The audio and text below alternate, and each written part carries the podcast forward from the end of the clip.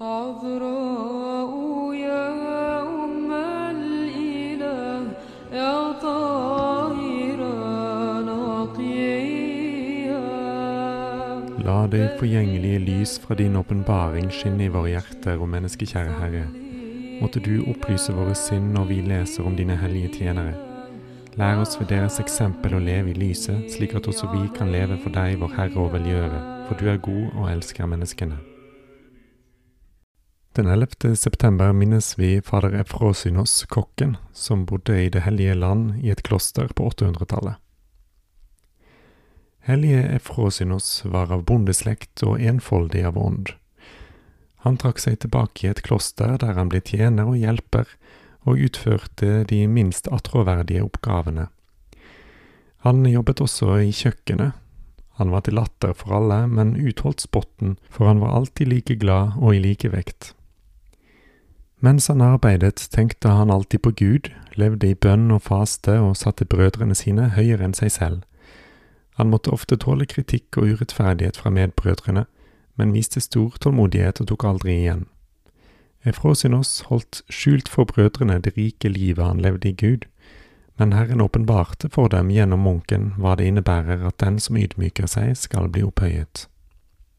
I dette klosteret bodde det også en prest, en venn av Gud, som hadde et brennende ønske om at Herren skulle åpenbare for han hvilke goder han har lagt i vente for dem som elsker ham. En natt mens han sov, syntes det ham at han i drømme ble ført til paradis, til en hage som var fylt av usigelige gleder. Midt i denne hagen befant Efrosinos seg, og han smakte på disse godene og gledet seg sammen med englene. Presten nærmet seg ham og spurte hvor de befant seg nå. Efrosinus svarte, Dette er de utvalgtes bolig, som du i så mange år har ønsket å se. Selv er jeg her ved Guds nåde, for det har behaget ham å tilgi mine synder. Da presten så at disse godene som var der, til en viss grad kunne sanses av de som bodde der, ba han Eufrosinos om ikke han kunne ta noen av fruktene fra hagen med seg. Eufrosinos tok da tre epler og la dem i prestens kappe.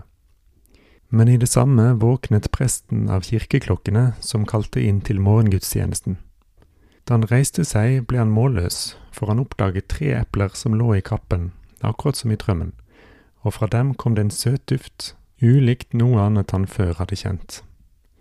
Da han kom inn i kirken, så han Efrosinos stå på sin vante plass, og gikk bort til han og bønnfalt han om å si hvor han hadde vært forrige natt.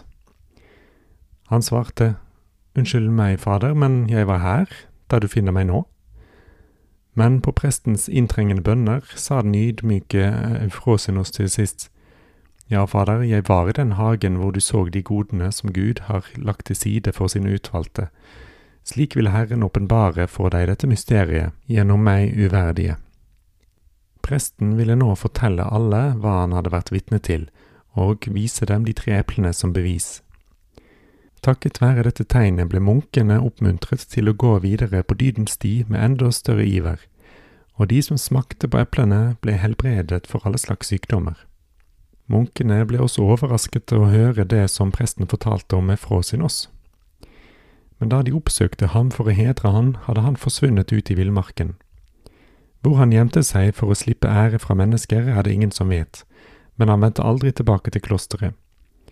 Men munkene glemte ikke Efrosinos, sin bror, som ble et tegn for dem om at vi bare kan nå paradiset gjennom Guds barmhjertighet. عذراء يا أم الإله يا طاهرة نقيا بدينة فارج صلي